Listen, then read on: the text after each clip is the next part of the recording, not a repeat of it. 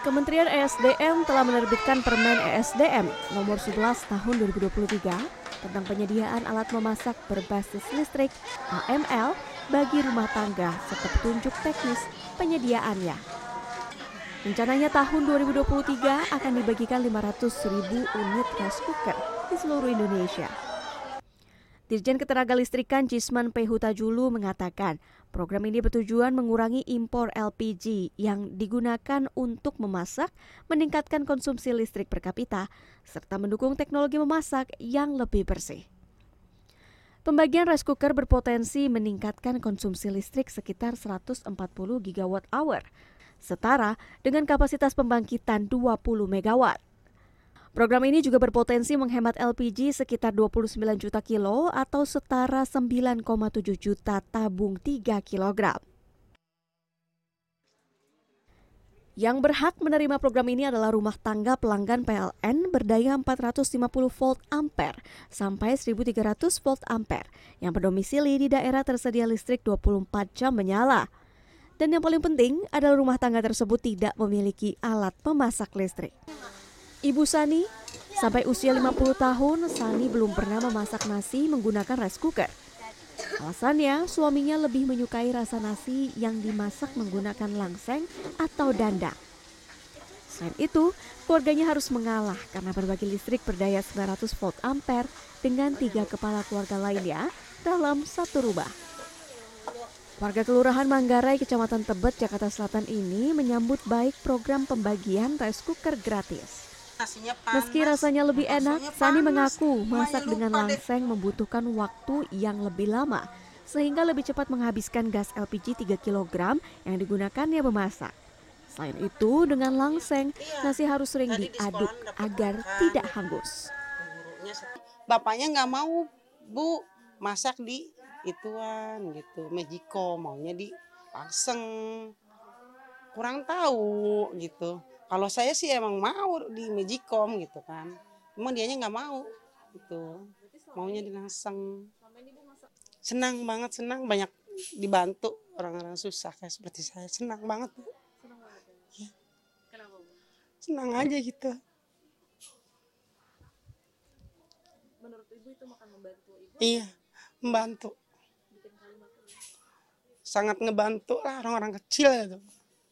Yang belum punya apa namanya uh, magicom gitu ya sangat dibantu banget Nikmatnya rasa nasi yang tanak dengan langseng juga dirasakan Ibu Tini.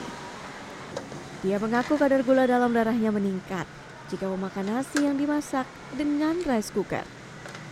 Alhasil, ia memasak nasi menggunakan dua metode setiap harinya untuk konsumsi pribadi dan untuk perjualan ayam geprek. Saya sih biasanya buat pribadi di rumah masaknya pakai langseng. Kal apa karena saya punya penyakit gula.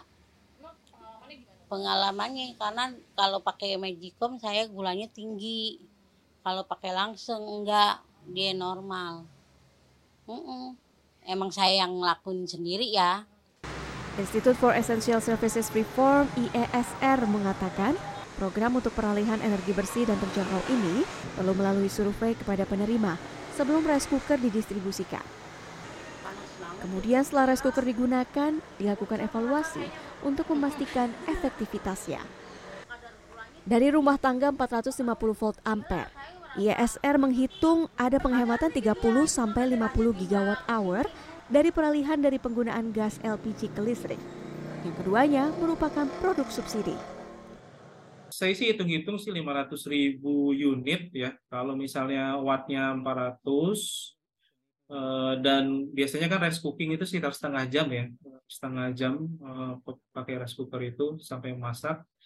Jadi eh, mungkin kalau dipakai tiap hari ya bisa meningkatkan pemakaian listrik sekitar 30 sampai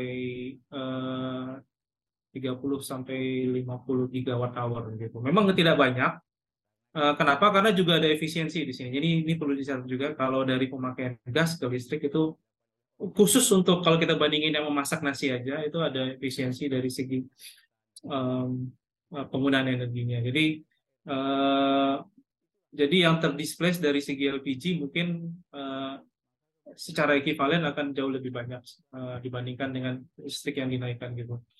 Tapi kalau overall akan berubah signifikan nggak sih baurannya LPG listrik ya nggak juga gitu. Saat ini pemerintah tengah menyiapkan data calon penerima rice cooker berdasarkan usulan dari kepala desa atau pejabat setingkat. Dilanjutkan pengadaan dan pendistribusian kepada masyarakat. IESR menyatakan Program ini sebaiknya tidak hanya bertujuan mengalihkan perilaku dari penggunaan energi gas ke listrik, tetapi juga ladang edukasi tentang manfaat mengurangi polusi dan emisi, sekaligus menyoal keamanan, kemudahan memasak, dan efisiensi waktu. Sehingga dapat membantu program elektrifikasi pemerintah lainnya, seperti pembagian kompor listrik. Desi Ritonang, Maria Oktober, Jakarta.